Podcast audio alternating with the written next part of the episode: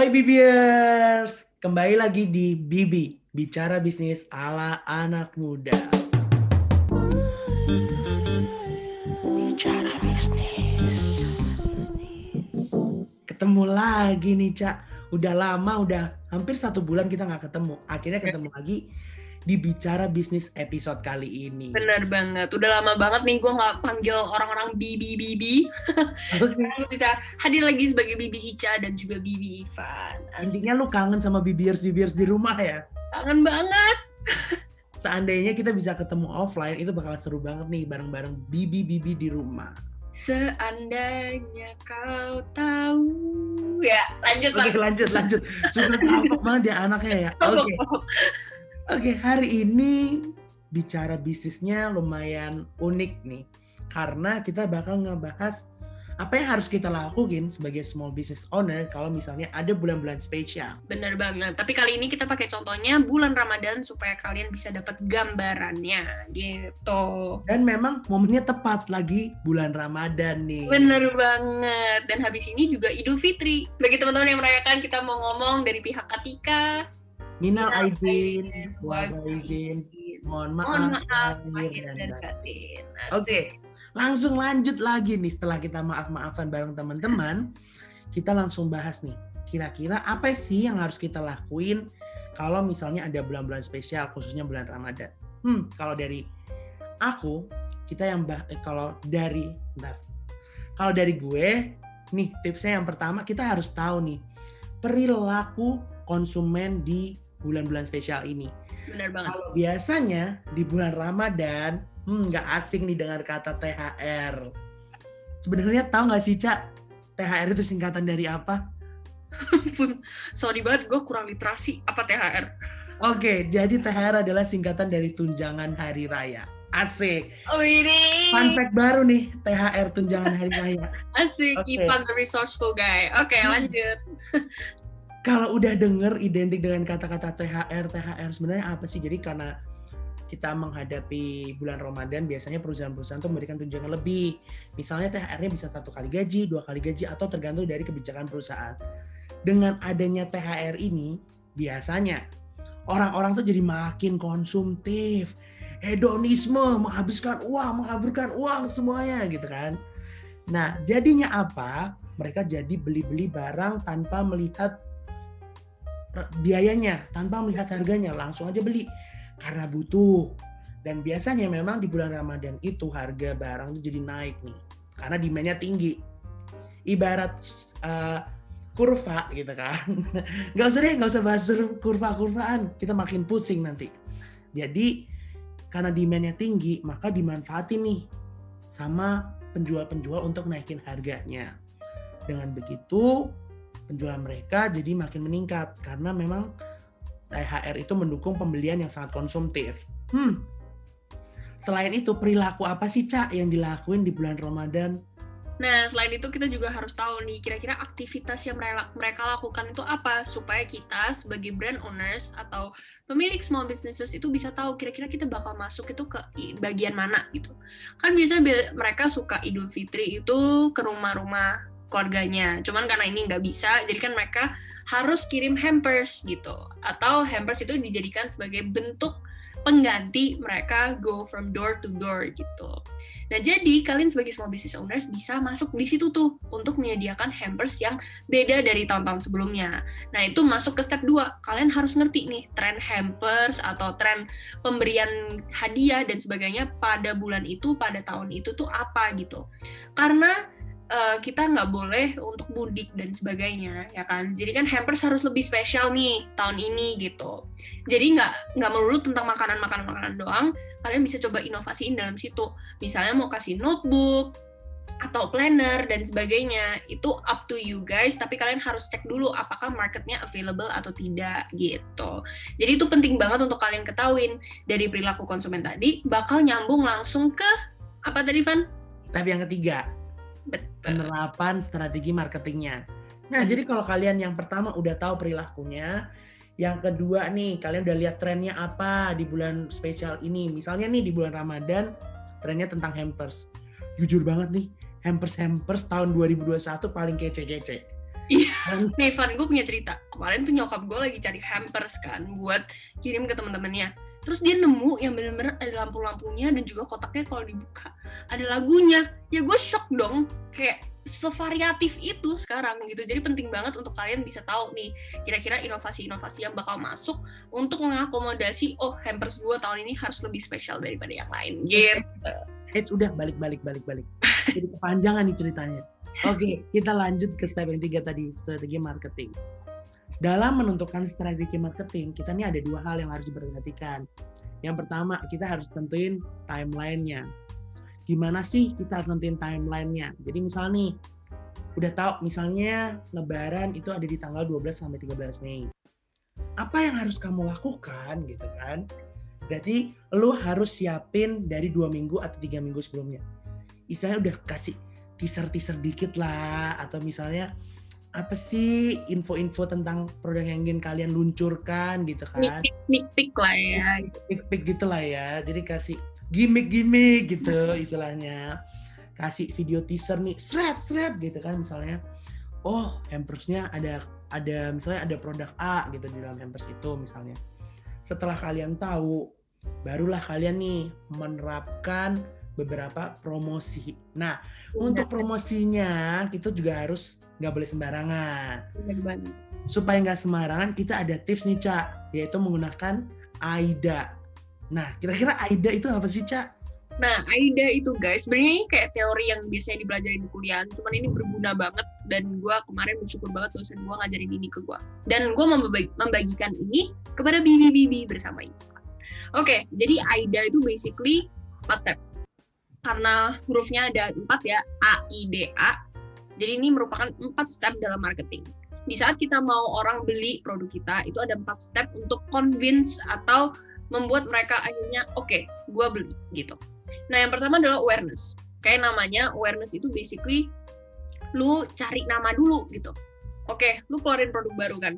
Berarti kalau keluarin produk baru ini meskipun brand lu terkenal lu basically introduce atau memperkenalkan sebuah uh, extension produk baru gitu. Jadi orang-orang tetap harus tahu awareness atau harus mengetahui produk extension baru ini. Dengan cara apa? Mungkin teaser-teaser di dua minggu sebelumnya. Kalian bisa add scene, kalian bisa coba kasih engagement story, tanya kira-kira ini apa ya guys, kayak gitu-gitu tuh. Biar mereka penasaran. Nah, begitu mereka penasaran, akhirnya mereka ada interest. benar banget nih. udah pengen keluar aja nih interest. Oke lanjut ya interestnya apa? masuk ke tahap kedua interest. Nah di saat mereka interest itu artinya mereka mau gali produk kalian lebih dalam lagi gitu. Nah dari interest ini kita harus merangsang mereka akhirnya desire gitu. Nah biasanya di tahap interest ini kalian tuh bisa ngelakuin macem-macem. Kalau yang tadi kalian nge-ads untuk teaser-teaser dan sebagainya, yang di sini kalian kasih deskripsi produknya gitu. Kalian kasih secara jelas isinya ada apa, terus nanti uh, dapat thank you card atau enggak, se-customizable apa sih hampers ini dan sebagainya itu interest. Eh, nah, akhirnya bah, kayaknya kalau interest itu biasanya pembeli-pembeli itu suka kepo ya sama produk kita ya. Benar banget. Nah, makanya di saat mereka kepo sama barang kita, kita harus menyediakan informasi supaya memperjelas mereka dalam tahap kepo-kepo ini. Supaya apa? Kalau misalnya kita nggak jelas ya guys, dari interest ini ada dua pilihan. Antara mereka mundur atau mereka maju terus. Nah, kita mau mereka maju terus kan. Dengan harus dengan adanya maju terus ini, kita harus menyediakan informasi untuk menjawab kekepoan mereka, gitulah basically. Nah, setelah mereka udah selesai kepo dan kita udah menjawab dengan baik dan benar nih guys dari konten-konten kita, ya kan? Kita masuk ke tahap desire. Desire ini basically di saat mereka mulai mikir, oke, okay, next um, Idul Fitri gue bakal beli hampers ini buat temen-temen gue gitu. Berarti mereka nge-save produk kalian gitu dua minggu sebelum Idul Fitri gitu kan anggapannya. Jadi kan mereka udah pingin gitu, mereka udah pingin banget beli produk kalian, udah di save bahkan ke Instagram mereka ya kan. Nah di sini tahap kalian adalah untuk nge-trigger mereka akhirnya action ya kan. Habis D A ya kan A I D A ya kan di Desire ini biasanya kalian bisa kasih voucher atau promo atau diskon guys.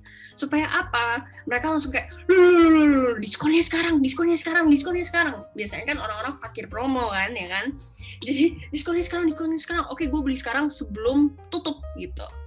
Jadi kalian bisa langsung keluarin promonya, diskonnya supaya nanti mereka mengarahkan dirinya mereka sendiri ke Shopee. Tapi pastiin guys, untuk tahap dari desire ke action pasti ini tuh mudah gitu. Jadi jangan sampai mereka pusing nyariin shopee kalian pusing gimana caranya check out dan sebagainya. Kalau bisa dibikin seper semudah as possible gitu lah basically. Nah habis mereka udah memiliki desire untuk beli tahap terakhir adalah action action di sini adalah di saat mereka akhirnya beli produk kalian gitu. Nah makanya gue bilang penting untuk kalian mempermudah proses pembelian supaya apa? Karena dari desire guys, kalau misalnya mereka ngeliat promo itu ada dua lagi pilihannya, either dia tetap maju atau dia mundur cari orang lain ya kan? Kalau misalnya kalian gak mempermudah, mereka bakal bisa mundur cari kompetitor lain karena mereka merasa aduh belibet banget beli di sini gitu. Tadi kan Ica sempat ngomong belibet-belibet gitu nah gue punya tips nih cak biasanya kita kasih link di bio itu bikin gampang atau misalnya kalau misalnya kita ads kita kasih swipe up atau misalnya kasih supaya mereka langsung nih cus oke kalau misalnya gue swipe up langsung nih ke arah ke Shopee kita gitu. Benar, benar banget. Jadi itu merupakan salah satu teknik di mana kita bisa mempermudah proses pembelanjaan dia, apalagi online gitu guys. Setelah action udah beres, tugas kalian selesai untuk conversion. Jadi intinya objektif dari sini adalah kalian mau menjual hampers kalian sampai sold out, ya kan? Jadi gitu guys. Caranya adalah AIDA. Kalian bisa terapin ini untuk tahapan strategi pemasaran kalian. Oke, kalau udah sampai strategi pemasaran dan segala macam, kadang suka lupa nih. Udah buru-buru gitu ternyata ada hal penting juga nih Cak yang bisa kita kasih berikan kepada kalian. Misalnya nih packaging itu juga penting. Kasih freebies seperti yang Ica udah bilang kayak thank you card atau segala macam. Karena proses pembelian itu nggak sampai di akhir action. Oke, okay. apa nih? Jadi ada persatu tahapan akhir setelah mereka beli. Itu ada post purchase. Kira-kira post purchase itu apa sih, Cak? Nah, post purchase adalah moment of truth. Mau kalian keluarin hampers dan itu bulanan doang, mau itu kalian produk sehari-hari, kalian harus perhatiin ini. Karena apa? Di saat mereka beli, itu ada yang namanya moment of truth. Anggapannya kayak kalau kalau anggapannya kalau kalian di Tinder nih atau di Bumble gitu, kalian lihat mukanya orang gitu aduh ganteng banget gitu kan dicat cat cat cat yuk ketemuan begitu ketemuan loh zong song. nah, guys, itu anggapannya sama aja kayak kalian di tahap post purchase. Ya kan? Konsumen udah beli. Konsumen kan lihatnya online nih, guys. Begitu datang, itu moment of truth. Kenapa? Karena kalian harus membuktikan diri kalian. Mau itu kalian bulan spesial, mau itu bulan sehari-hari, kalian harus tetap menjaga image dari produk kalian gitu. Jadi pastiin begitu nyampe itu bagus supaya apa? Nanti dia langsung mikir gini, ah kalau gitu gue Idul Fitri tahun depan nggak usah susah-susah nyari gue tinggal ke toko ini lagi gitu. Hasilnya bagus banget soalnya. Apalagi harganya affordable. Nah itu namanya customer retention gitu. Retention basically di mana orang bakal balik lagi beli di lo gitu. Jadi harus perhatiin di sini jadi kalau misalnya dari segi packaging nih, kita harus bikin itu presentable. Dari thank you card kita harus kata-katanya itu appreciative atau sangat berterima kasih gitu. Kalau bisa mempermudah konsumennya as gampang as possible gitu lah. Gitu Van untuk tahap post purchase jangan sampai kita catfish jangan sampai kita tipu-tipu orang seperti orang-orang di Tinder dan di Bumble. Jadi ingat ya guys, selalu give the best and only the best. Hmm, hari ini pembahasannya seru banget nih dan tenang guys. Kita juga bakal bahas hal-hal lain yang bisa bantu kalian meningkatin penjualan kalian. Tapi karena kali ini kita bahasnya khusus di bulan spesial, kita juga pengen nih ngucapin selamat pada kalian small business owners yang udah berjuang sampai detik ini. Buat kalian yang punya banyak uh, keluhan, pengen cerita-cerita nih, kita ada di Telegram nih Cak sekarang. Uh, gue suka nih smooth. Oke, okay. kita ada Telegram sekarang. Kita namanya Komunitas Bisnis Indonesia by K3 Group. Jadi hmm. di situ kita bakal kasih nih konten-konten yang tentunya bisa memotivasi, bikin kalian juga belajar dan kalian bisa diskusi bareng-bareng. Hmm, lengkap banget ya. Terus Tapi kan apa bedanya sih sama small business community yang kita biasa punya di Line Square? Hmm, kita juga punya nih small business community di Line Square. Buat kalian juga nih yang small business community, eh, small business owners yang pengen join ke small business community juga bisa banget. Jadi kita ada dua nih, Telegram dan small business community di Line Square. Yang Telegram itu bedanya dia lebih terbuka nih. Jadi siapa aja boleh join, mereka yang mau merintis, mereka yang mau belajar, yang belum punya ide, ya kan? Belum punya ide, pengen cari-cari. Kira-kira ide apa sih yang bagus di 2021 atau misalnya kayak gitu. Sedangkan yang small business community di di Line Square itu biasanya lebih terfokus untuk mereka yang udah punya bisnis. Dan karena kita di small business community yang di Line Square kita akan berikan free shout out buat produk-produk mereka setiap dua minggu sekali atau misalnya beberapa minggu sekali gitu. Betul sekali. Jadi beda ya Van ya kalau misalnya small business community lebih ditarget untuk orang-orang yang memang udah punya small business. Kalau misalnya Telegram kita belajar bareng. Jadi purpose-nya dari Telegram adalah kita bisa tukar-tukar informasi bersama. Mau kalian belum punya ide atau sedang merintis atau bahkan sudah punya, it's okay to join. Karena di Telegram tidak ada bedanya di antara kita semua. Asik. Nah karena memang kita tuh tujuannya memang saling membantu nih guys sebagai owner.